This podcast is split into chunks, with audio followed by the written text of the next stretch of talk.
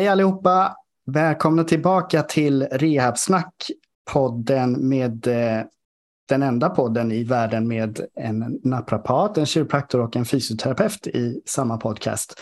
Där vi pratar om lite olika ämnen berörande rehab och smärta. Och eh, vi är tillbaka alla tre här efter, ja det var ju ett tag sedan som vi poddade tillsammans, men nu är vi nu är det dags igen, vilket känns väldigt kul och vi har ett eh, roligt tema för eh, dagens avsnitt där vi har valt ut ett dilemma eller utmaning som vi vårdgivare och kliniker kan stöta på när vi träffar patienter i, på kliniken. Eh, jag skulle bara vilja säga innan vi kör igång att det, om ni som lyssnar där ute, om ni tycker om den här podden så får ni jättegärna gå in på Spotify eller Apple Podcaster och sätta ett betyg på vår podcast. Man kan också skriva en recension på Apple Podcaster. Så skulle vi vara väldigt tacksamma för det. Um, ja, men till dagens ämne direkt då. Uh, vi har valt ut som sagt ett tema eller dilemma var och uh, vi kommer att diskutera då uh, Daniel som har valt ett tema om eh, rimlig behandlingstid och behandlingsbesök och Tim som kommer prata om förväntningar på behandling och uppfattningar om smärta.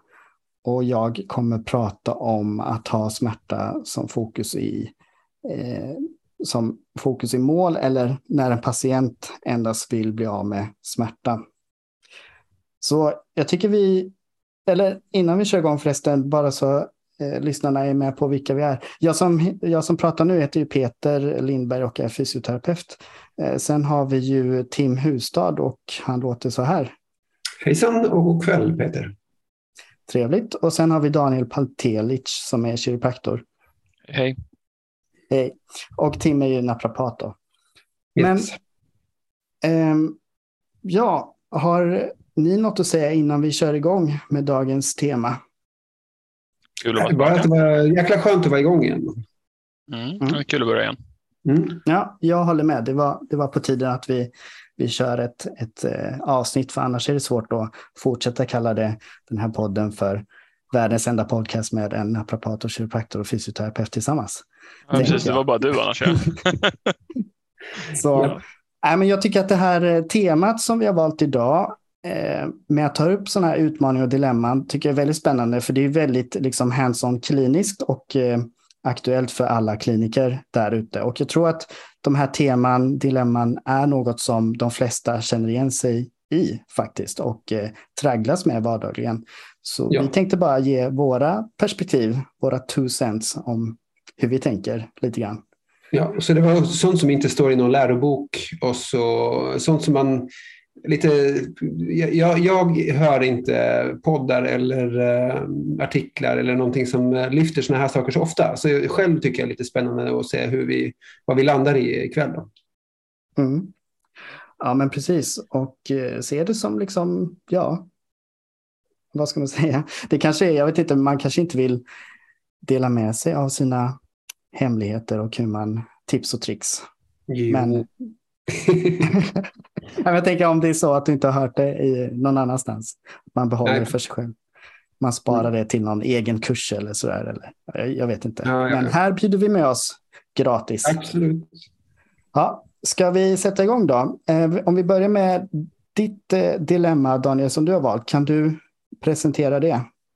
Ja, eh, jag har ju valt då en rimlig behandlingsperiod Ehm, och vad innebär det? Då? Jo, det innebär både då patienten och läkarnas förväntning på hur lång tid en rehabperiod för långvarig besvär kommer vara. Ehm, det är ganska vanligt att utifrån en patientens perspektiv så är det att när de, när de kommer in så förväntar de sig nästan alltid då att besväret kommer behandlas under en kortare period med ganska täta besök att de, de är redo att satsa på den här rehabperioden och ska, ska göra det de blir tillsagda. De förstår att de ska göra övningar och de förstår att det, de ska träna och bli starkare.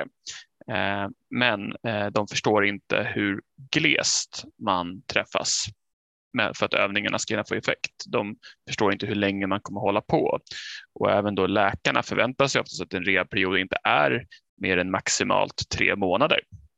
Och det kan ofta stå i remissen också att vid, vid utebliven effekt eh, eller kvarstående besvär efter tre månader så ska patienten tillbaka till sin vårdcentral. Eh, och det brukar ta en stund, eller patienten i alla fall brukar ifrågasätta varför så få övningar eller varför så sällan? Varför, varför ska jag komma först om sex veckor eller om fyra veckor eller tre? Liksom, när, varför kan jag inte komma två gånger i veckan? Jag vill ju verkligen satsa på det här.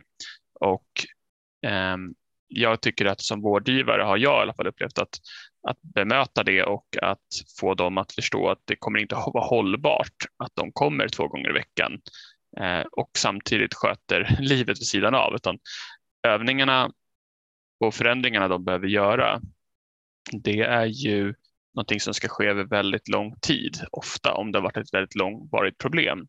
Och patienterna har, en, har bråttom. Eh, och där tycker jag ofta att det uppstår en liten, liten konflikt eller lite, lite problem att hantera i förväntningarna.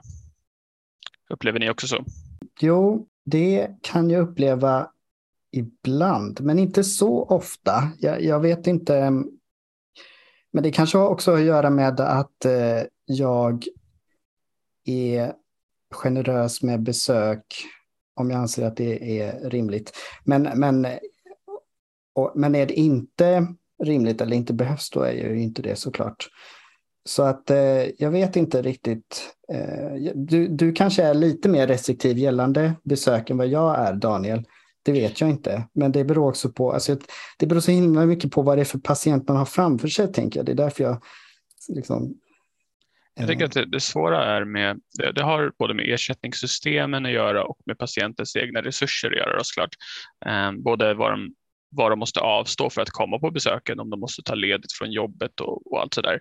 Jag, jag tycker att det är viktigt att patienten förstår att det krävs av dem att de tar eget ansvar för sin rehabperiod, att de faktiskt gör sina övningar. Det, det, ska inte behövas att de kommer och att man ska titta på dem när de gör övningarna, utan när man har etablerat en baseline i vilken typ av övningsbelastning eh, de tål och vad vi ska jobba ifrån, så tycker jag att de måste visa att de kan göra sina övningar. De måste förstå att det kommer ta tid och de måste förstå att vårdens uppgift är inte att hålla dem i handen under hela den här perioden, utan i början så gäller det att se till att man får en diagnos, att de förstår diagnosen, etablera en kontakt, hitta rätt eh, baseline-övningar till dem och jobba därifrån. Men efter ett tag, det, det är inte hållbart utifrån resurser att ha hur många besök som helst. Det vattnar ur värdet per besök Eh, och det är redan nu så eh, anses värdet ganska lågt ur ersättningsmodellen, att vi får ganska lite betalt från eh, politiker för våra besök. Och det, det blir det där att varje besök ska vara värt någonting. Inte bara för patienten utan för, för eh, pengarna som läggs på dem. Och om pengarna tar slut, om du betalar för dig själv, då måste man ju också ha en plan på hur ska vi kunna få den här behandlingsserien att vara så effektiv som möjligt och få ett slutresultat. Eh, och då får det inte bli att de måste betala privat två gånger i veckan över loppet av säg sex månader eller fyra månader.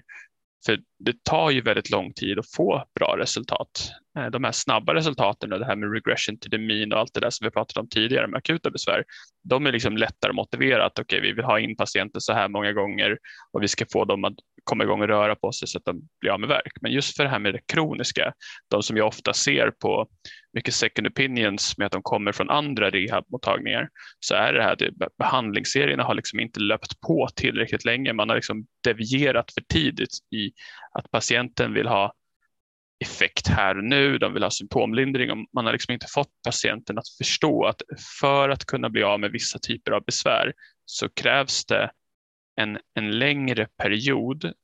Det behövs inte så många besök hos sin terapeut utan ansvaret ligger på dem och en, en rehabterapeut blir mer åt ett coachinghåll nästan. Att vi, de kommer, man ställer frågorna, man korrigerar behandlingsprogrammet, övningarna, eh, repsen sätter en belastningsnivå och och följer upp det längre fram när, effek när effekten av den träningen rimligtvis kan börja ses. Och det kan inte vara om två, tre dagar utan det tar ju tid för träning att få effekt. Annars så är det ju egentligen mest socialt. Och om patienten har jättestora problem med att liksom förstå övningar, kroppskontakt och så, då, då, får man ju vänta såklart med att skjuta fram det. Men så fort patienten förstår, så fort patienten kan vara självständig så tror jag rimligtvis att det, det är så vi bör jobba. Eh, och inte bara ur ett resursperspektiv utan också att lägga över makten på patienten, att det är den som kan göra sig bra. Vi kan bara hjälpa den att göra sig bra. Ja, för min del så eh, är ju den här frågan eh, ja, det är lite annorlunda tror jag för, inom privatvård och också för naprapater kan jag tänka mig, eller i alla fall manuellterapeuter som ja, där kanske förväntan är lite annorlunda också på vad man ska få för typ av vård Eh, och vad man kommer med för typer av, typ av besvär. För att, eh, jag stöter ju eh, väldigt, alltså väldigt många av mina patienter är ju eh, haft ont i nacken i tre dagar när jag sitter liksom på, eh, på kontoret. Eh, sen är det ju en väldigt stor blandning såklart men, eh, men över, alltså, vikten ligger kanske mot saker som Eh, ja, inte är långvariga såklart. Och som inte remitteras ifrån läkare eller, eller sånt här, där det finns sådana förväntningar. Så jag tror att eh, naprapatvärlden är lite annorlunda på det här sättet. Och, um, men däremot så har jag jobbat mycket med långvarig smärta eh, som kanske inte naprapater oftast gör eller, eller, eller fokuserar så mycket på. Eh, så på många sätt håller jag ju exakt med på vad Daniel säger här. Alltså, det är ju självhantering som har varit den stora fokusen eh, i min egen verksamhet med de här långvariga patienterna i många år. Eh, men som vi kommer komma in på lite senare på min punkt här med förväntningar så, så ja, eh, det, det landar ofta i att man får liksom eh, Eh, ge dem någonting som de hade förväntat, att det ska vara någon form av behandling samtidigt som att eh, man måste jobba med, det, med prognos och liksom hur lång tid det här ska ta och så vidare. Så jag håller helt med, med Daniel om att att eh, målet måste ju vara någon form av självhantering, eh, hitta en baseline och så eh, eh lägga en långsiktig plan. Eh, helt, helt 100 procent. Ja, jag förstår. Och, um, att ingen missuppfattar, det jag pratar om, den här missuppfattningen, det är ju just på långvariga besvär. Mm. Eh, när någon söker för nackspel eller ryggskott, ja, i, i, princip så kan man säga att det spelar ingen roll vad man egentligen gör. Patienten vill ha någon form av symptommodifikation. Oavsett vad du gör så kommer patienten att bli bra av sig själv efter ett tag. Om vi kan påskynda det eller inte, det, det, det, finns ju olika skolor om det där, men, men man kan i alla fall få dem att uppleva en lindring av de här besöken. Det är en mm. helt annan sak. Det är klart att då vill man ju behandla dem så ofta som patienten känner för att den vill komma för den lindringen. Eh, men för långvariga besvär, hälseneproblem, tennisarmbågar, rotatorkuffproblem, eh, långvariga ryggsmärtor. Det är inte hållbart att de kommer med täta kontakter under en kort rehabperiod. Eh, om, om det då ska kosta på att vi inte kommer ha resurserna att hjälpa dem med långvariga rehabperioder mm. med glesa kontakter. För att det, det, det, kommer ju fler och fler patienter. Det, det, flödet av nybesök är ju konstant hela tiden och om varje patient som dyker upp eh, ska ha täta kontakter eh, som, som en, och samtidigt ha en lång behandlingsperiod, då kommer det inte finnas tid för alla att komma från början heller. Så att även om vi ville träffa dem tätt så skulle då det resultera om vi, om vi struntar i det här med pengar, patientens egna resurser eller landstingens eller regionernas egna resurser och allt det där. Om vi bara tittar på liksom, vad blir konsekvensen av att vi har samma patient väldigt tätt?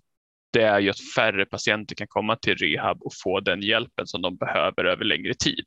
Så det kommer alltid kosta på durationen av behandlingsserien kommer att bli kortare om vi har täta besök och den kommer vara Eh, om det är glesare besök då kommer fler kunna behandlas över en längre period. Mm. Och, och, det är någonstans, eh, det, det, det, är inte det som patienten förväntar sig. Det är inte det som läkaren förväntar sig. De förväntar sig ofta korta insatser. Det, det är liksom inte mer än tre månader. Det ska liksom nu ska vi ta tag i träningen två, tre gånger i veckan minst. Nu ska jag träna, nu ska jag bli bra. Men vissa saker kommer bli bättre på kort tid för att de har en tendens att bli bättre på kort tid. Men sen kommer de tillbaka. Och jag ser det här ofta i journaler att patienter har återkommande eh, behandlingsperioder för samma sak. Men om man, om man grottar ner sig lite grann i det där så brukar man se att de gör inte övningar riktade mot sökorsaken utan de gör lite mer generell träning, de gör lite behandlingar och sen så är de nöjda och sen kommer de tillbaka. Och det de skulle ofta vara i behov av är att förstå sin diagnos, lära sig redskapen de behöver för att slippa ha sin diagnos, eller i alla fall att hantera det. Mm. Eh, och då skulle det minska behovet av att vara vårdsökande i framtiden och förhoppningsvis också då gör att de inte har ett behov att söka vård. Mm. Men, men de måste liksom bli sin egen vårdgivare med hjälp av oss. De andra sakerna, flare-up, snackspärr och allt det där, det, det, det är självklart, då, då är det en helt annan sak. Då kanske de vill ha, säg akupunktur eller manipulation eller man gnuggade det ont. Alltså vilken, vilken sån behandling du än väljer att göra, men då kan man ha tätt. Men det kommer inte hålla eh, om, om folk ska få det de behöver. Mm. Peter? Ja, nej, jag bara tänker på um, dilemmat här att det var som, som med det mesta mer komplext än vad det kanske till synes eh, ja, presenterades. Eh, nej, men för att det vi diskuterar här är ju också vad man har för uppfattningar om prognos. Hur lång tid kommer det här ta innan det blir bättre och hur, hur mycket jobb krävs det? Eh, så det är ju ett, ett dilemma i detta. Och sen eh, samma sak för, för oss vårdgivare då. Vad, hur lång tid tänker vi att det ska ta? Hur mycket behöver patienten träffa oss? Ehm, eh, så, men jag håller med allt som ni har sagt redan. Och jag, jag tänker att eh, varför jag stammade och var lite tveksam så där tidigare kanske var för att jag tycker det är så självklart att vi ska inte ge mer vård än vad som är nödvändigt. Och där jag jobbade tidigare, där var det liksom vad ska man säga, kutym eller det var ju så vi jobbade, att eh, de som inte behövde så mycket vård, de, de, de, fick det heller inte. Och de som behövde det mer, de, de fick lite mer då. Eh, och det hade också att göra med det här att eh, sju besökstaket, liksom att sju, man får inte stiga över sju besök i snitt per personnummer och år. Så det, det, blir liksom att man får inte ha patienterna för mycket för att då stiger den siffran och kommer man över sju då blir man liksom återbetalningsskyldig. Eh, mm. så, där, så där behövde vi liksom jobba med kortare behandlings, eller vad ska man säga, inte, inte ha dem mer än nödvändigt för att kunna lägga mer resurser och tid på de som behöver det. Eh, så att lätt, inom citationstecken lättare åkommor som eh, tendinopatier utan ja, lite mer enklare tendinopatier men som ändå har en lång prognos eller rehabtid. Eh, de fick inte så många besök för de behövde inte det. Mm. mm. Ja, det, blir, det blir så tokigt för det blir ofta nära, för att förtydliga för lyssnarna så är det just i vårdvalet i Stockholm så har vi det där snitt, det nyckeltalet på sju besök per personnummer på, sett över hela kliniken fördelat på alla vårdgivare. Ehm, alla, alla yrkeskategorier.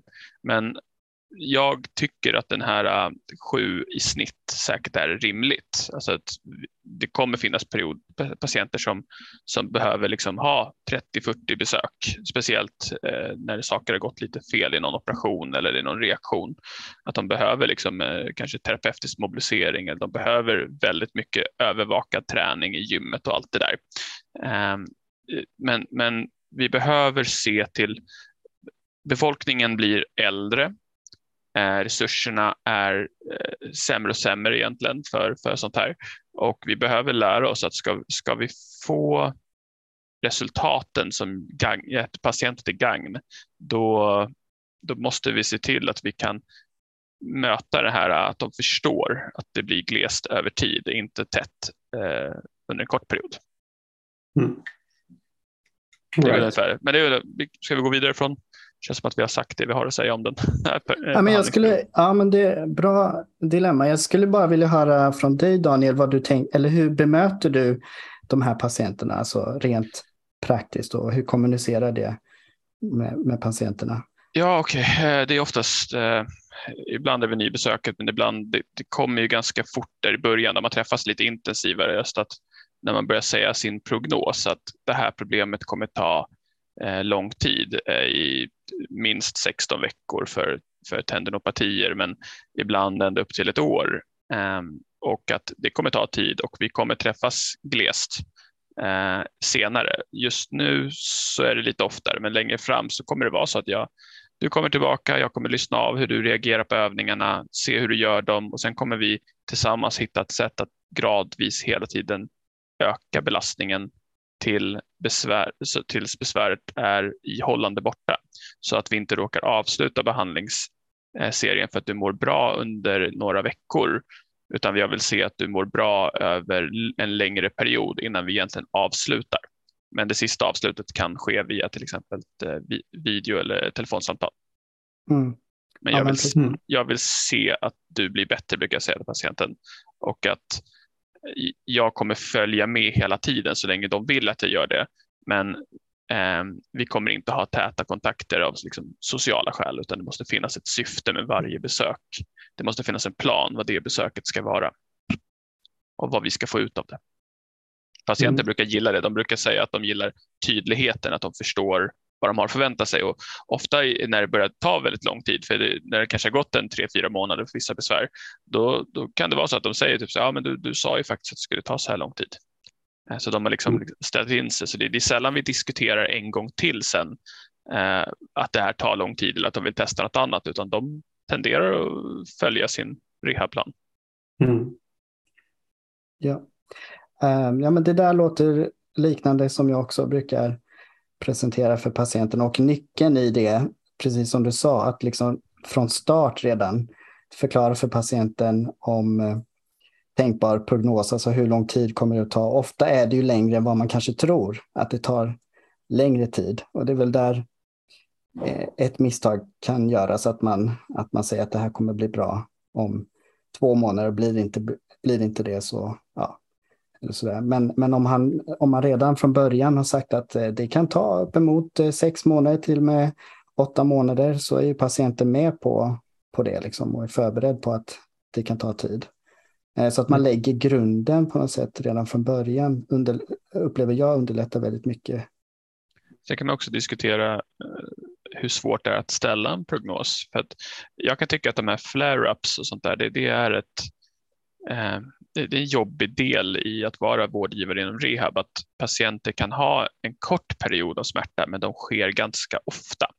Och de söker just på vägen in i en flare-up men sen så fort den börjar lägga sig till en nivå patienten är bekväm med då tycker inte de att de behöver besväret eller behöver vård. Och ibland kan det vara viktigt att belysa det för patienten att du har en tendens att få besvär i perioder och du söker bara när det liksom är jobbigt. Det är dags att ta tag i liksom det mer långvariga återkommande. För man behöver inte ha konstant verk för att man ska ha hjälp av rehab, utan målet kommer ju vara att glesa ut de här flare-ups-perioderna eh, tills det inte sker några alls. Ja, gott, ett, ett, tips här då, det är om någon har eh, fått med sig den här Toblerone-grafen eh, som eh, Louis Gifford eh, pratar om, så kan man ju kan man ju ehm, eh, rita upp för dem eller rita tillsammans med dem eller på en tavla eller på ett papper eller någonting så kan man ju rita en graf som visar liksom att det går upp och ner och att det kommer ta lång tid och man kan liksom ställa in den här grafen på att det tar fyra månader och det kommer gå upp och ner och så där så får de se det. Eh, och då, har man liksom, då är man överens om att det här är resan vi ska starta här och nu. Då.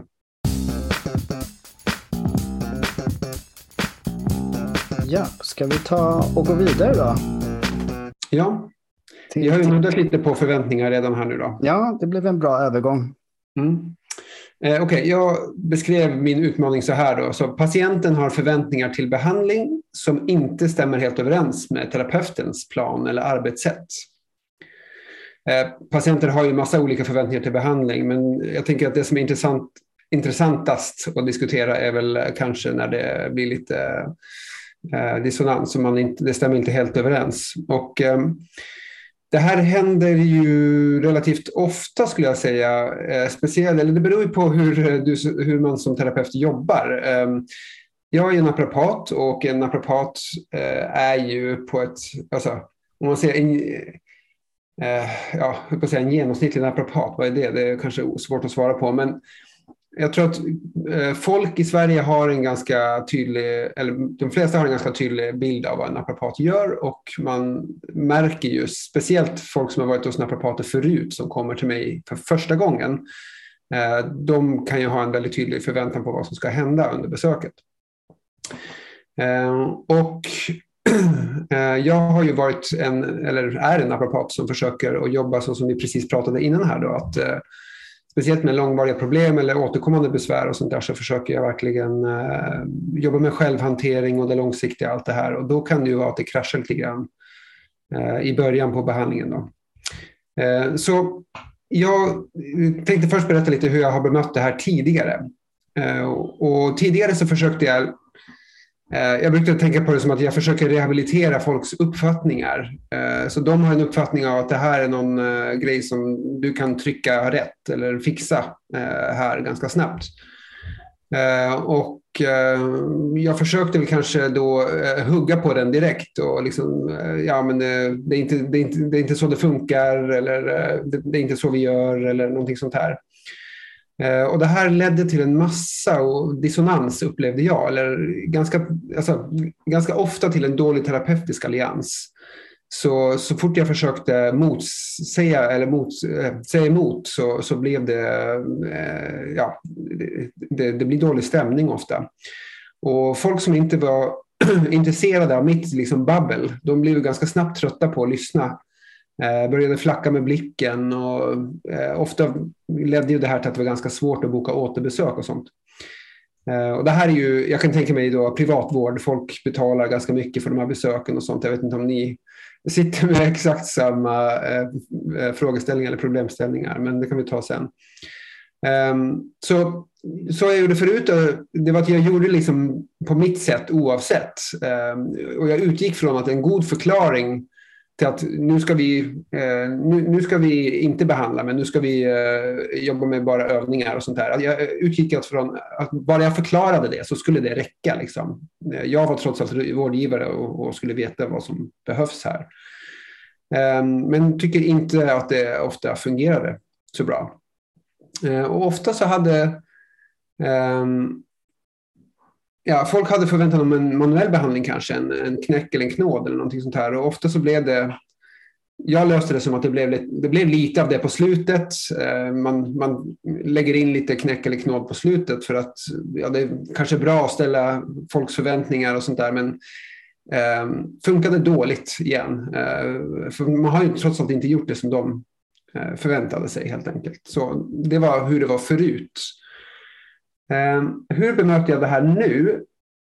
Ehm, då motsäger jag patienter väldigt sällsynt i starten av besöket eller till och med i starten av behandlingsserien. Jag, eh, jag väljer mina, eh, vad, vad, säger man på svenska, I pick my fights mycket oftare. Eh, så ser jag patienten och kommer in och så, eh, ja, jag vet att det är bara två eh, knäck här och en knäck där och så blir det bra. Eh, då är det väldigt sällsynt att jag eh, motsäger det på något sätt. Jag eh, eh, försöker heller och, jag kan heller bara säga, eller bekräfta att jag har hört vad de säger. Och så fortsätta eh, eh, vad vi nu än är inne på, om det är undersökningen, anamnes eller vad det nu är, kan vara för någonting. Och så kan det väldigt gärna vara att jag gör det som de förväntar. Eh, och frågar hur det, hur det känns och hur de mår. Och eh, ofta är ju de så här att ah, ja, det var precis det jag behövde. Eh, och det känns mycket bättre. För det, ofta är det så när man liksom möter någons förväntningar. Eh, eller så kanske de eh, inte känner att det händer så väldigt mycket och sådär. Då, då lyfter ju den här frågan sig själv lite grann tycker jag. Så då är det mycket mer naturligt att börja prata om det istället för att jag kastar mig i, i, i halsen på dem och försöker att liksom, nu ska jag nu ska jag säga, säga emot vad du tycker eller någonting sånt där. Det, har, det, det funkar sällan bra. Um, och jag inser att chansen för att lyckas med att ändra folks uppfattningar är mycket mindre än chansen för att, att tappa patienten helt. Eh, det är det jag har i alla fall upplevt under de här åren som jag har jobbat på det sättet. Så eh, ja, vill jag tappa patienten eller vill jag hellre liksom smyga mig in på, under skinnet på patienten lite grann? Det är det jag får välja tror jag. Ehm, och Eh, en annan sätt att lösa det på är att under anamnes till exempel eller undersökningar och sånt här så brukar jag notera de föreställningar som jag tror är viktiga att lyfta någon gång under det här besöket. Men, och så lyfter jag det sen på ett passande tidpunkt. Eh, e-, efter man har fått alliansen då till exempel. När man känner att kanske på besök två eller kanske till och med på besök tre när man känner att, att um, nu, kan jag, nu kan jag säga nästan vad jag vill till den här patienten och jag vet att han han eller hon kommer inte, Eh, ja hon kommer i alla fall lyssna. eh, och det tror jag är jätteviktigt. Ehm, ja, så det är väl egentligen det. Alltså, kontentan av det jag försöker säga här det är att jag tror att om du ska lyckas med att eh, ändra folks uppfattningar om någonting så måste de ju lita på dig. Och det gör de ju oftast inte efter sex minuter. Um, men det är dock viktigt att, att du inte ger dem näring till... Om, om de har en uppfattning liksom, om, som du upplever är väldigt fel så är det också viktigt att du inte ger näring till de här uppfattningarna genom att bekräfta deras resonemang. Så som om, om de till exempel säger eh, ja, du måste sätta någonting på plats eller förlänga fascian eller vad det kan vara för någonting så du kan ju inte börja med att bekräfta det resonemanget för då har du ju ingen väg tillbaka. Då, du kan inte du kan ju heller bara be, eller bekräfta att du hörde vad de sa. Och så kan du fortsätta med det som är agendan för dagen, om man säger så. Och så kan man lyfta det senare till exempel. Så man kan göra behandlingen, men eh, i en annan kontext. Så man, man, resonemanget runt behandlingen är annorlunda. Eh, och därifrån så kan man vidare förklara vad man egentligen kanske behöver ha, ha fokus på eh, lite senare. Vad tänker ni? Ja, som, som kiropraktor så ja, vi alla som kanske har gått lite från det manuella i yrket har väl kanske upplevt det här som du beskriver, att det, man i början var lite sådär att man ville gärna att patienten skulle förstå varför man har valt så, varför man anser att vissa förklaringsmodeller liksom inte är rimliga att tro på. Eh, jag har väl märkt att det, det hjälper inte så mycket att hålla på och gå i clinch med patienter. Man, man hjälper ingen på det viset, utan jag har egentligen ingenting emot eh, manipulation. Eh, jag, jag, har någonting emot förklaringsmodellerna till, till manipulation som de flesta verkar använda, i alla fall de patienterna som jag har som har fått förklara för mig vad som är fel. De har uppfattat i alla fall en förklaringsmodell att någonting sitter antingen fast eller det sitter snett. Eh, självklart så kommer jag bemöta det senare, men det, det, det, det ger mig inte så mycket i själva nybesöket att bemöta det. Det ger inte heller patienten någonting i det. Men som du säger, eh, det kommer ju då och då folk som förväntar sig någon form av manuell fix på problemet.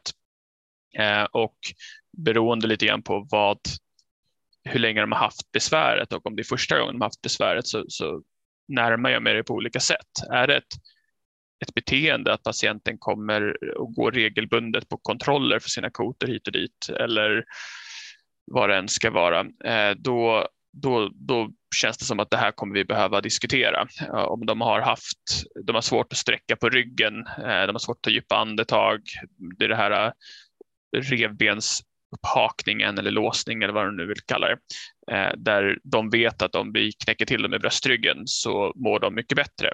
Då kommer jag att eh, manipulera patienten så att de mår mycket bättre. Eh, och sen så kommer jag efter det försöka fånga upp någon form av hållbar behandlingsplan. Men jag tycker ju att manuell terapi i olika former har en plats. Jag, jag tycker inte att det är dåligt att använda det, men jag tycker att det ska vara som symptom modifikation, alltså lindra patientens besvär för stunden eller då kanske ihållande. Men är det återkommande, då tycker inte jag det ska vara det enda man gör. Ja. Förstår du hur jag menar? Jag tror att folk är lite polariserade och jag skulle nog vilja påstå att jag själv var så i början också. att um, Man ska inte göra någon form av smärtmodifikation överhuvudtaget, utan vi ska mm. bara jobba med det här som vi tycker är så viktigt med det långvariga. Men har patienten ont och vi kan lindra det genom att gnugga någonstans eller dra någonstans eller knäcka någonstans, då kan vi ju faktiskt göra det. Alltså, mm. Det kommer ju inte vara så att vi hinner hjälpa färre patienter, men det kan inte vara på premissen att vi ska bekräfta de här förklaringsmodellerna. Men, men hur jag hanterar det här, för det var ju det som var frågan, när folk kommer och, jag märker att det är det de är ute efter, då brukar jag stoppa patienten lite grann i anamnesen direkt, för det, det är när de inleder med att de har en låsning L4 eller de har att bäckenet har landat snett igen. Då brukar jag liksom bromsa patienten lite snyggt med att fråga var någonstans har du ont? Vad är det för besvär du söker för? För du säger ledlåsning, det är så du uttrycker dig. Men vad är det du söker för? Har du ont någonstans? Känner du dig sned? Är du stel? Vad, vad, hur känns det här besväret?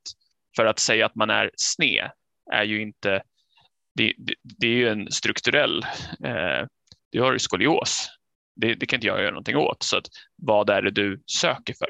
Och då brukar folk säga att jag har ont. Ah, Okej, okay, så du har ont i ryggen. Okay. Och så börjar man fråga detaljerade frågor. Var gör det ont? När gör det ont? Vad gör det bättre? Vad gör det sämre? Du vet, det standard anamnestagningen.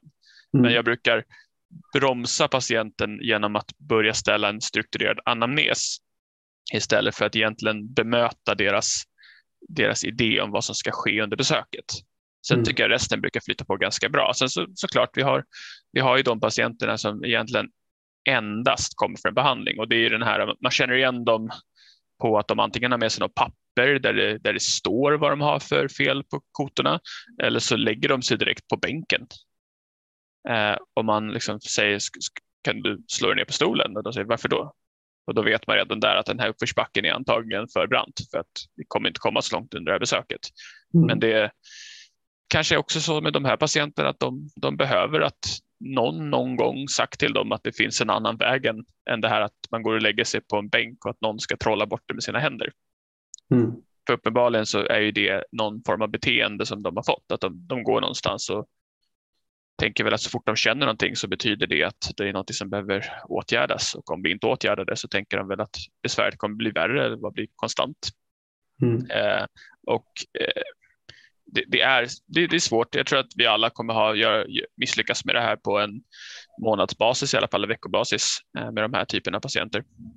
Men ett bra tips till dem som själva känner liksom att eh, hur, hur bryter jag dem som kommer på det viset som när de säger att de har en låsning är att egentligen be om ett förtydligande. Vad är det de egentligen söker för? Vad är det för symptom och inte ifrågasätta med att det finns inga låsningar. Det går inte att bedöma utan istället fråga vad, vad gör ont? Mm. Ja, nej, jag tror det här är jätteviktigt. Peter, har du, du har väl inte direkt liksom manuella tekniker från skolan, har du det? Eller hur, hur var det för dig när du gick ut? Eh, vad, vad gör du av manuella saker med patienter? Ja, alltså först och främst eh, så vill jag bara säga att jag tror att, eh, eller jag är ganska säker på att det här är någonting som ni stöter på oftare än vad jag gör och speciellt du Tim eftersom du, du jobbar liksom privat privat och med det menar jag att patienten betalar hela summan själv antar jag ja. för besöket. Eh, så då är man ju en, i, ett, i, en annan position tänker jag och som du säger liksom att man vill ju vad ska man säga, man vill ju ha patienter för det är ens jobb och ens intäkt. Mm. Eh, så det blir ju ett dilemma bara där. Liksom. Men jag är helt inne på, jag tycker det, ditt resonemang Timme är, är rimligt och eh, liknar det som jag själv använder också. Alltså att eh, eh, bygga den här terapeutiska alliansen är ju så otroligt viktig om man ska få till en förändring, en beteendeförändring, vilket ja, det är om man ska ändra ett perspektiv eh, eller rekonceptualisera en smärta, eh, smärtförklaring. Ändra, ja, ändra hur man ser på, på smärta helt enkelt. Eh, så tror jag absolut att den här terapeutiska alliansen är en grundsten i, i för att kunna komma vidare.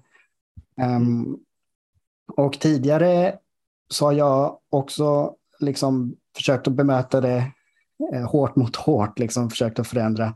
Men det har inte alls fungerat. Så jag jag upplevde, upptäckte ganska, eller ganska snabbt liksom att den här metoden fungerar inte. Det var, tycker jag, efter bara något besök. att eh, det, det går verkligen inte att bara eh, försöka ändra någons förklaring eller uppfattningar på första besöket.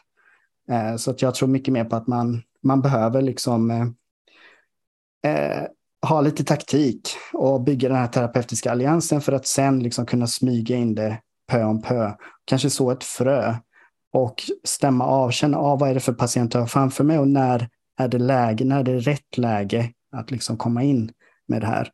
Och mm. i vissa fall så tror jag mycket på, alltså, eh, förväntningar vet vi är väldigt viktiga eh, och den här tillförtron, eh, tilltron till eh, tillförlitligheten till vårdgivaren. Men vad jag tänkte säga var att, ska se, nu kommer jag av mig lite här. Ja, jag kan bara säga, om jag får lov, ja. att det känns som att det här är en förändring som måste ta tid. Eh, jag tror att om man tror att man som terapeut kan vara 20 eh, år fram i tid och eh, alltså 20 år framför patienten menar jag.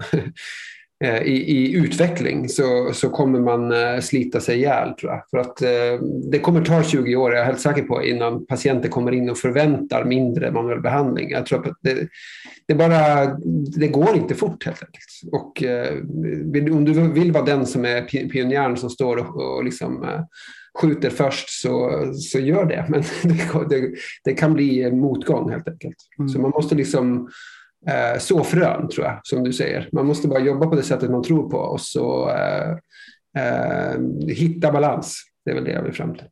Precis, och med det sagt så vill jag säga att jag tycker att det är viktigt att man ändå lyfter det någon gång. Att man behöver så de här fröna och inte bara fortsätta med att ge det som patienten vill ha.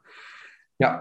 Um, och eh, eh, utan att man eh, vid rätt läge att och där, där, tänker jag så här att det som du nämnde Tim, att eh, ibland kan det vara så att de inte får den effekt som de hade förväntat sig. Och det är som du säger i ett bra läge att ta upp det. Och, och den eh, metoden använd, har jag använt mig av en del när jag jobbade, att eh, bemöta förväntningar och ge dem det de vill ha eh, men att se det som en lärdom att vi, vi följer upp det här och, och hur blev det efteråt. Mm. Och eh, om det då inte blev som det har tänkt sig, då har man ett ganska bra läge att diskutera eh, med patienter vad, vad de tänker om det då.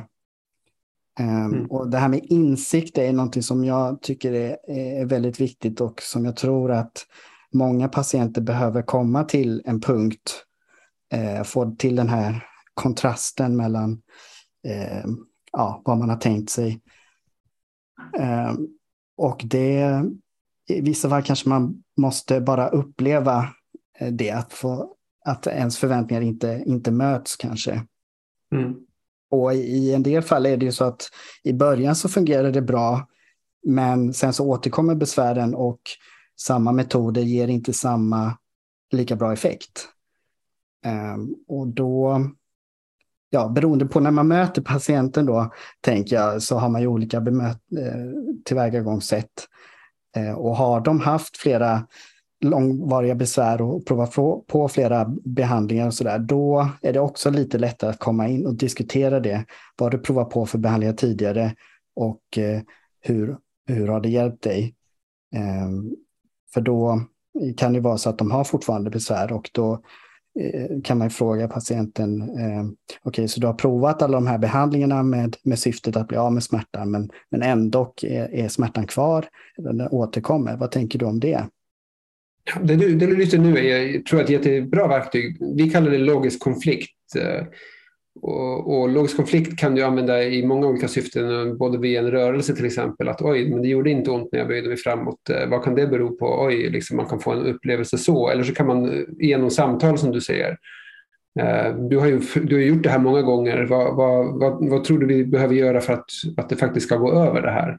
Alltså, sådana logiska konflikter tror jag man kan använda för att vinna patienten. Men då är det liksom på kanske på besök två eller någonting sånt där. När liksom, eh, ja, eller till och med lite längre fram när det inte har fått den effekten man hade hoppats på och så vidare. Så man måste ge det tid, det är det jag menar. Mm. Ja. Um, och gällande manuella terapier och så där, vi går ju igenom det på grundutbildningen, um, manuella undersökningar och uh, olika typer av manuella tekniker. Och då är det mest traktioner, mjukdelsbehandling, mobilisering och sådär som vi som vi lär oss eh, på grundutbildningen. Sen finns det vidareutbildningar och så där i olika mm. skolor. Okay. Såklart då. Ja. All right. Har vi landat i den då eller? Ja, det finns ju mycket man kan fortsätta diskutera där, men eh, väldigt spännande dilemma som många stöter på, kan jag tänka mig. Mm. Eh, men eh, ja, att inte bemöta med att försöka förändra någons uppfattningar direkt, det brukar inte falla ut så väl. Och det, eh, utan det är ju lite mer eh, eh, i linje med eh, motiverande samtal och att eh, bekräfta och validera patienten och bygga den här eh, terapeutiska alliansen först. Då. Mm. Ja, jag tycker det är vi... kul också. Bara som jag, jag jobbar ju på vårdcentral också och gör bedömningar med en eh, allmänläkare. Eh, och de har ju ett lik, de har ju också det här problemet fast i undersökning. Men det är så det är intressant det där när vi, vi diskuterar just att vi förväntas att behandla men det är egentligen inte en diagnos. Det är inte, det är inte utredningar de är ute efter, utan det är en form av behandling. Men eh, när jag varit med läkarna för liknande symptombild, då, alltså att de, de söker oss för de sökorsakerna de söker oss för, fast där i den rollen på en vårdcentral, då, eh, då är det ju att de vill ha till exempel magnetkamera och hur man ska hantera förväntan på att de vill ha en specifik undersökning som de har förstått är viktig. Mm. Eh, alltså de tycker de behöver fast vi inte tycker att de behöver för de har inga symptom som, som behöver det. Eh, och det är samma sak där, hur ska man möta dem där? För där kan man inte säga att vi ska vi ses igen om två veckor, vi tar upp det igen då, utan de söker för att få en speciell undersökning. Eh, men vi ska då bemöta dem i att eh, de inte kommer att få det. Förstår du? Förstår mm. du vad jag mm. menar? Att det, det, jag bara tycker det var lite sidospår, men jag tycker det är lite roligt att vi, vi på rehab, vi diskuterar det här, men vi diskuterar det alltid på vilken manuell terapi eller vilken träningsform patienten förväntar sig att få. Men läkarna har det fast på undersökningssidan. Mm. Det, är säll, det är sällan jag har varit med där de kommer och säger att jag vill ha medicin, utan det är just undersökningar. Det är ytterst sällan någon kommer och vill ha liksom morfin eh, när jag har varit med, utan det är i princip uteslutande att de vill ha magnetkamera. Mm. För att se problemet. Mm. Mm. Ah, ja, det var ett sidospår. Vi går vidare till din Peter.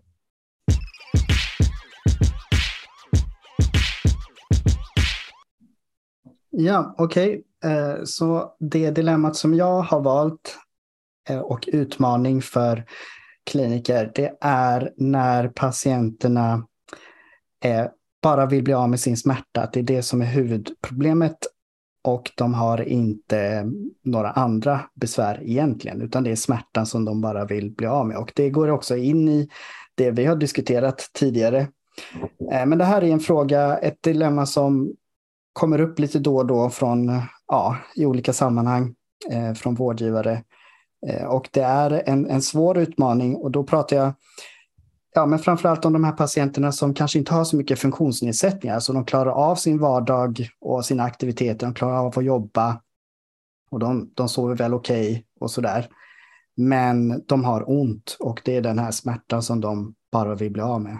Och då blir det ju mycket svårare att, eh, ja, vad ska man sätta upp för mål och eh, vad ska man jobba med utöver smärtan? För det är ofta det vi vill göra, att eh, skifta fokus bort från smärtan till funktion eller eh, på andra sätt så man inte är så smärtfokuserad.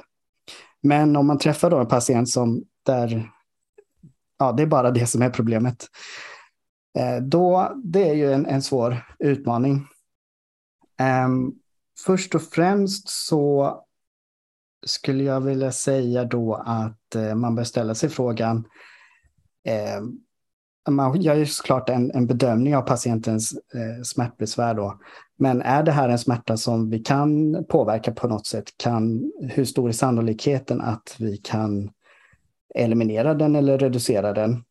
Um, för om, om, om det går att reducera smärta eller till och med eliminera, då ska man såklart göra det. Um, och det kan ju vara svårt att veta ibland, då, men då behöver man göra den här bedömningen för att komma fram till vad det lutar mot för någon typ av smärta. Är det lite mer en, vad ska man säga, lite mer nociceptiv inom citationstecken renare, enklare smärtproblematik eh, så är ju prognosen god. Men om det handlar mer om en långvarig maladaptiv nociplastisk smärta så, eh, så är prognosen inte lika bra. Eh, så där behöver man ju som, som eh, vårdgivare göra en, en bedömning först. Då. Så jag är ju absolut för att kan man eliminera eller reducera smärtan så, så ska man ju försöka att göra det. Så det är liksom den första frågan. Ehm, sen tänker jag också på det vi har pratat om tidigare lite grann. Vad har patienten provat på för behandlingar tidigare? Att eh, undersöka det då. Och det kan ju vara så att man eh, behöver bemöta patientens förväntningar här då och faktiskt prova på någonting. Eh, och, men då är det viktigt att man eh, också följer upp det. Och hur blev det egentligen med, med utfallet? Och eh, tar det därifrån. Och i så fall, om, om de inte blir bättre så öppnar det upp för diskussion då, den här logiska konflikten. Um, sen tänker jag på eh, när man har en, en långvarig maladaptiv smärta som, eh, som är problemet eh, så kan man ju också jobba liksom, inom citationstecken indirekt eller play in the long game, att man jobbar med Eh, bidragande faktorer till smärtan eh, som, som kan vara ev eventuellt psykosociala faktorer som bidrar till smärtan. Så där krävs det att man gör en, en djupgående och bred anamnes.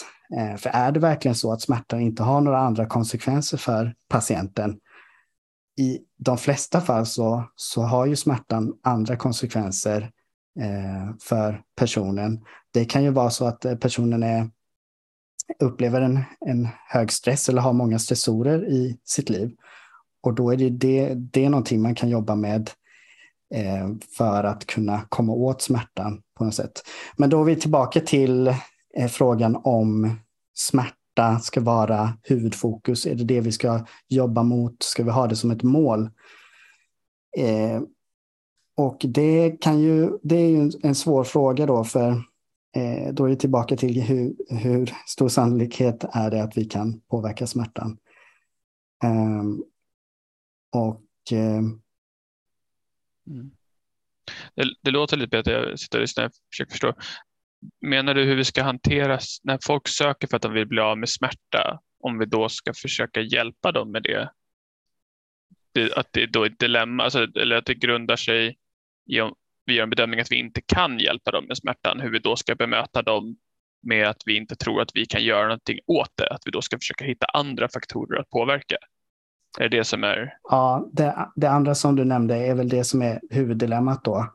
Att vi kanske bedömer att det här är en smärta som vi inte kan göra någonting åt just nu. Eh, alltså att den kan inte elimineras på kort sikt. Eh, framtiden vet vi ju egentligen aldrig, utan det handlar ju mer om sannolikheter. Hur, mm. stor är sannolikheten att vi kan eliminera smärtan inom ja, det närmsta, de närmsta tre månaderna till exempel. Mm. Um, så det finns ju, de, det finns ju patienter som, som inte har några, eller som uppger att de inte har några andra konsekvenser av smärtan. Alltså att de är välfungerande, men det är bara smärtan som är som är problemet, om man säger så. Och då eh, eh, är det ju också, det kan, just det här med acceptans kommer ju in där då, förutsatt då att det här är en smärta som, eh, som kan vara eh, så att den inte går att påverka så mycket, att det kommer hålla sig ungefär kring samma nivå. Eh, men svårigheten är att vi, vi vet ju inte riktigt. Och det är det jag menar att det är så viktigt med en, en, en bedömning liksom för att bilda sig en uppfattning om, om hur smärtan ter sig och eh, för att kunna säga någonting om prognosen så att säga. Mm. Um, det, det, är svårt det där, så det, det, du, det du pratar om, de där stora, det är det här enorma med kronisk svårbehandlad smärta hur vi ska bemöta dem. För att annars är det liksom att om, om någon söker för smärta som är neuropatisk, ja då skickas de ju för att eh, få rätt mediciner av läkaren. Eh, om de har liksom postterapatisk smärta, då får de, ska de få läkemedel och behövs det stöd, att de har svårt att copa med smärtan, ja då är det väl ACT och liknande. Alltså det finns olika behandlingar för olika typer av smärta, men just hur man ska bemöta patienten när den kommer för smärta som den vill bli av med, det, det ser jag liksom på något vis som grunden till vad jag jobbar med. Jag jobbar inte med funktionsnedsättningar, jag jobbar just med smärttillstånd och att försöka hjälpa dem. Och om jag inte tror att jag kan hjälpa dem, eh, då kommer jag försöka hänvisa dem vidare till någon som jag tror kan hjälpa dem. Och om jag inte tror att någon kan hjälpa dem, då kommer jag hänvisa dem vidare till de som kan hjälpa dem hantera situationen med copingmekanismer. Det är liksom så jag hanterar de, den här typen av patient. Eh, mm. antagligen till sådana som, som dig då. Men, men jag har inte kompetensen att hjälpa folk att copa med kronisk eh, eh, smärta utan hopp. Ja. För de här patienterna som jag pratar om, det är nog de som är liksom mitt emellan, eller vad ska man säga, de har inte riktigt kommit till, eh, de har inte kommit till insikt eller accepterat kanske att eh, den här smärtan eh, inte går. Ja, eh. jag, jag, förstår, så jag, jag är bara inte säker på att jag kan göra de bedömningarna. Så jag, jag har inte den, den breda kompetensen inom alla områden att jag kommer vara den som säger att det här är livslångt, utan om jag tror att jag kan göra någonting som har en chans att hjälpa dem så kommer jag att göra det utan att lova något. Eh, och om en ortopedkirurg tror att besvären kommer från någon struktur men att de tror inte att en operation kommer kunna hjälpa dem, eh, då måste man ju hantera det. Eh, hur mm. ska vi smärtlindra dem adekvat i rätt? Hur ska vi reglera det? Hur ska vi hjälpa dem med psykologiska verktyg? Hur ska vi arbetsanpassa deras arbetsplatser och så?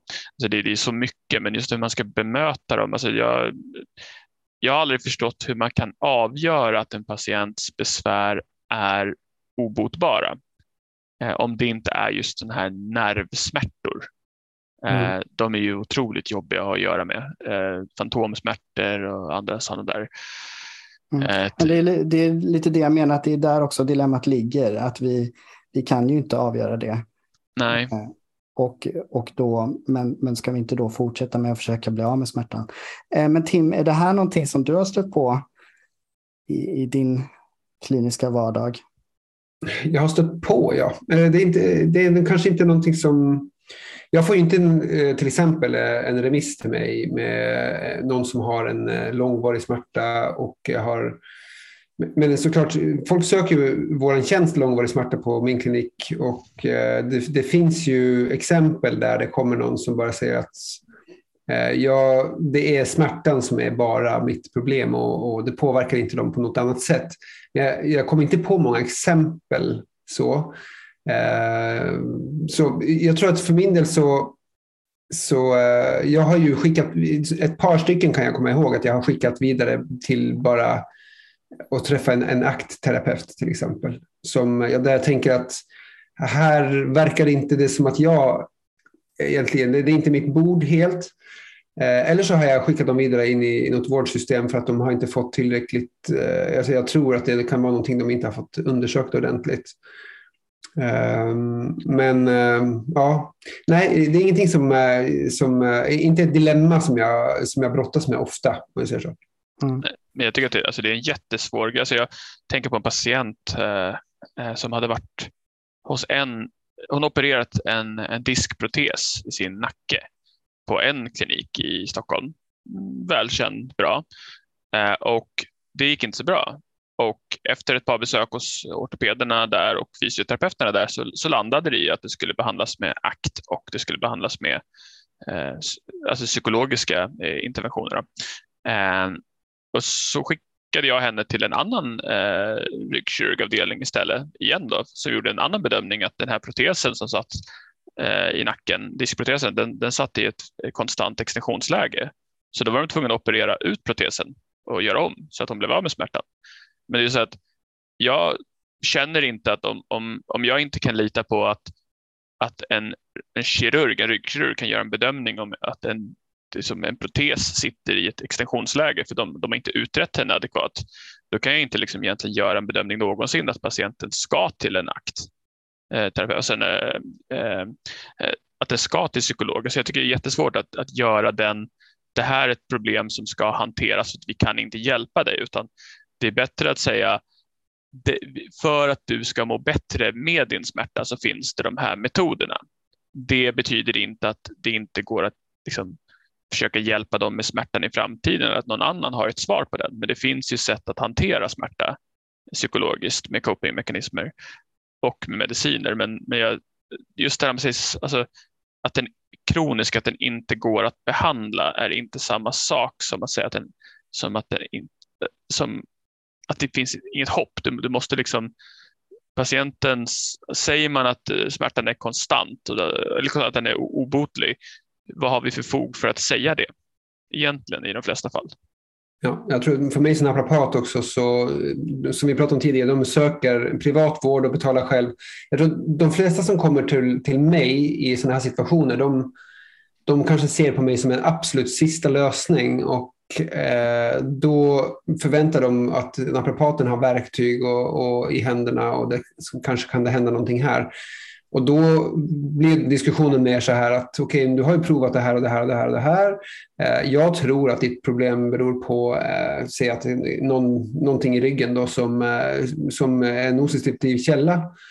Eh, och eh, det enda jag kan tänka mig är att vi försöker att, att göra eh, smärtlindrande behandling genom eh, manipulation eller, eller att vi försöker att förbättra någon form av eh, Alltså ha någon inriktning som inte har funnits förut helt enkelt. Och eh, så förklarar jag det att det här kan hjälpa. Det, det vet vi inte. Men du har inte provat, provat det förut så vi kan ju se hur det landar och då blir det eh, kompromissen, om vi säger det så, eh, där vi båda är överens om att vi vet inte hur det här kommer att fungera. Men eh, ja, det, många är ju desperata i den situationen.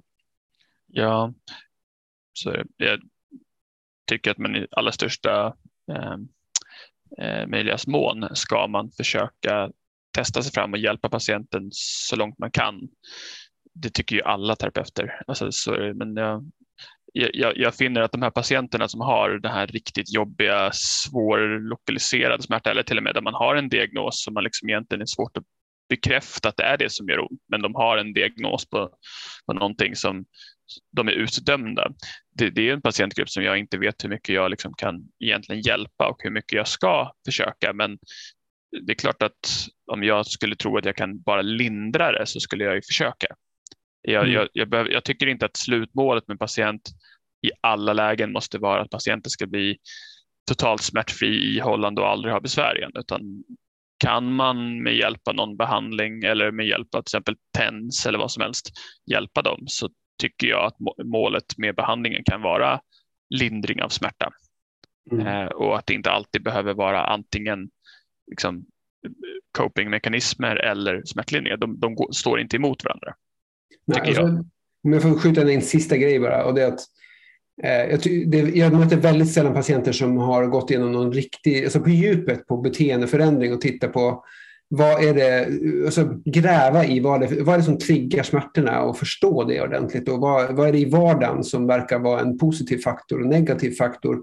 Lägga till med det positiva faktorer och verkligen liksom gräva och kött, i, djupt i köttet på sådana saker kan hjälpa vissa patienter. Och jag tror att det, jag bara tror, jag vet ju inte, men jag tror inte att det är någonting som ofta läggs fokus på i, i, hos annan vård överhuvudtaget. Nej, det, det, tror jag, det har du nog helt rätt i. Jag tror att vi kan göra jättemycket för de här patienterna även om slutresultatet inte kommer vara total smärtfrihet. Ja. Mm. Ja, men det är bra att du sa det Tim. Det är ju väldigt viktigt.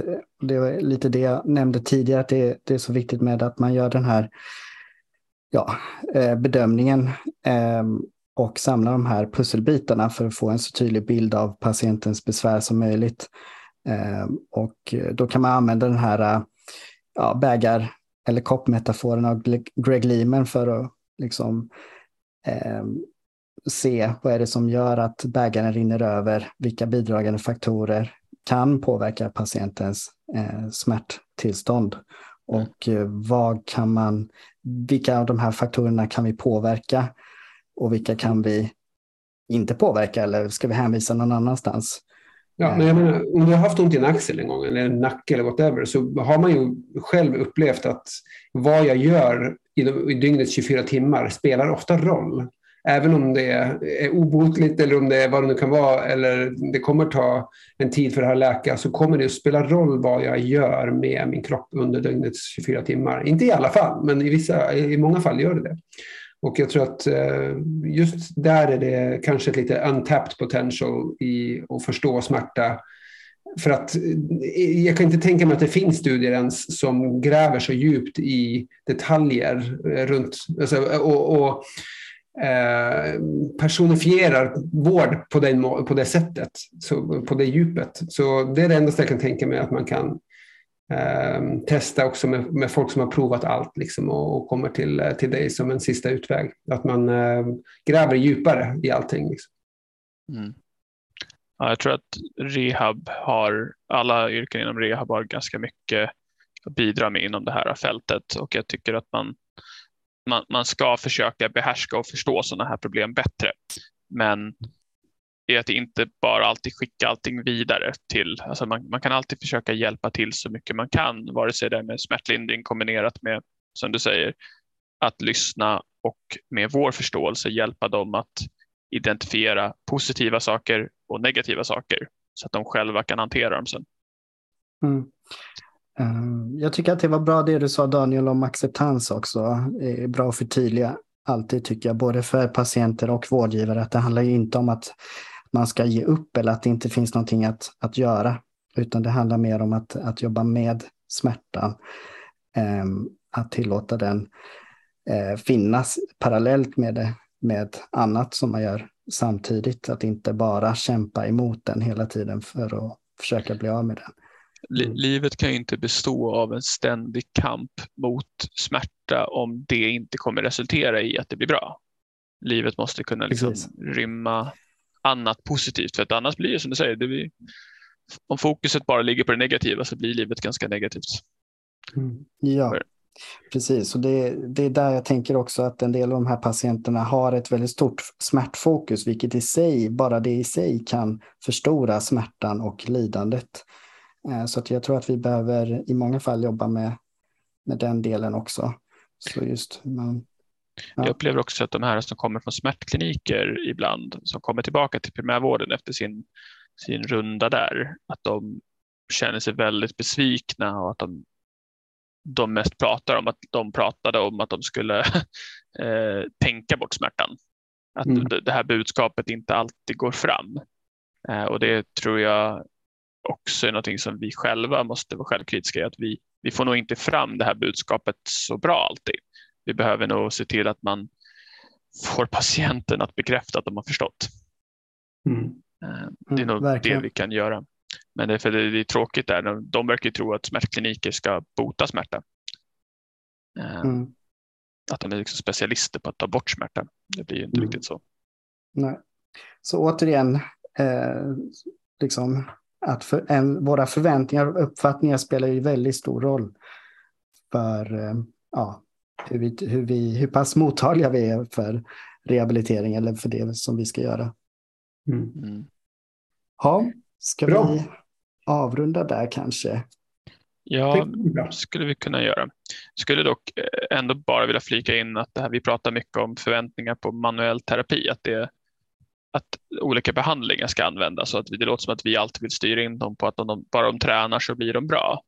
Det, det tycker jag också att träning må ha många bra liksom, sekundära fysiologiska liksom, effekter, men att jag tycker ändå att när vi pratar ibland så låter det som att vi vill att de ska träna eh, och då blir allting bra. Så länge de får de här verktygen och tränar så, så det är så de kommer bli bra. Att de, de kommer inte bli bra om vi inte tränar dem och jag tycker nog att vi överskattar även styrketräning. Alltså att rehab är antingen manuell terapi eller antingen träning.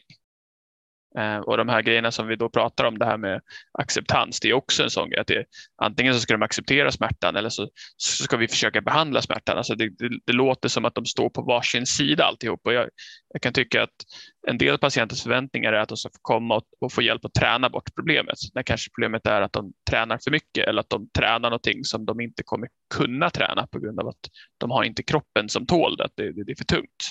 Att mm. vi, vi behöver vi behöver lära oss att hantera alla patienter utifrån att de som förväntar sig mycket manuell terapi, de kanske behöver ha ett annat fokus och de som förväntar sig att allting kan tränas bort för att jag måste kunna göra de här aktiviteterna för jag brinner för de aktiviteterna. Men kanske problemet är att det, det är för hög träningsdos och mer träning är inte det de behöver.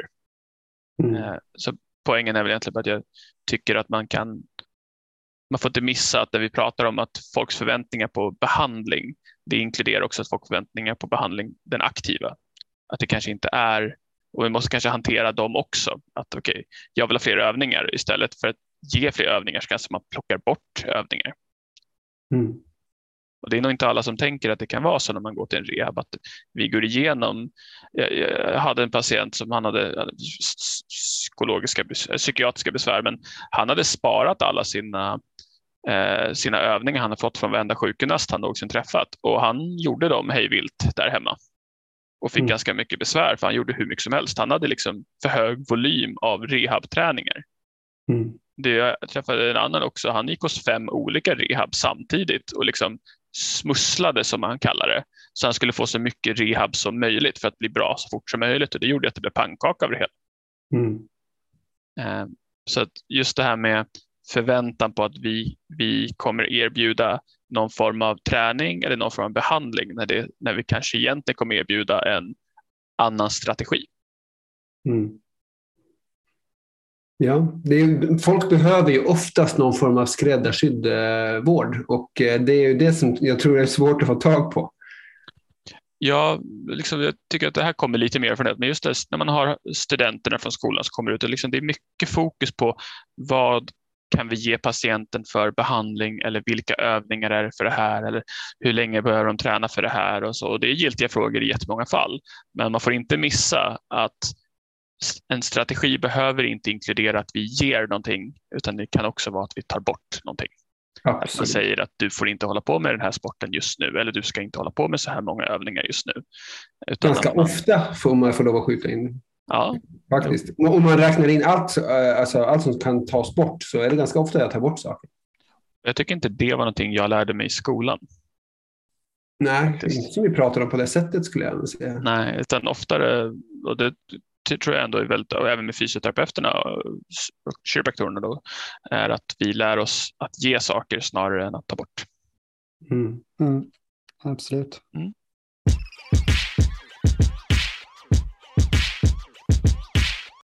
Bra. Ska vi börja avrunda avsnittet idag då? Ja, det gör vi. Vi har fått några eh, förslag på dilemman från eh, folk på Instagram som vi kanske kan ta upp vid ett annat tillfälle. Men eh, vi tackar väl för oss för den här gången och eh, på återseende. Ja, det var kul grabbar. Tack ska ni ha. Hej då. Hej.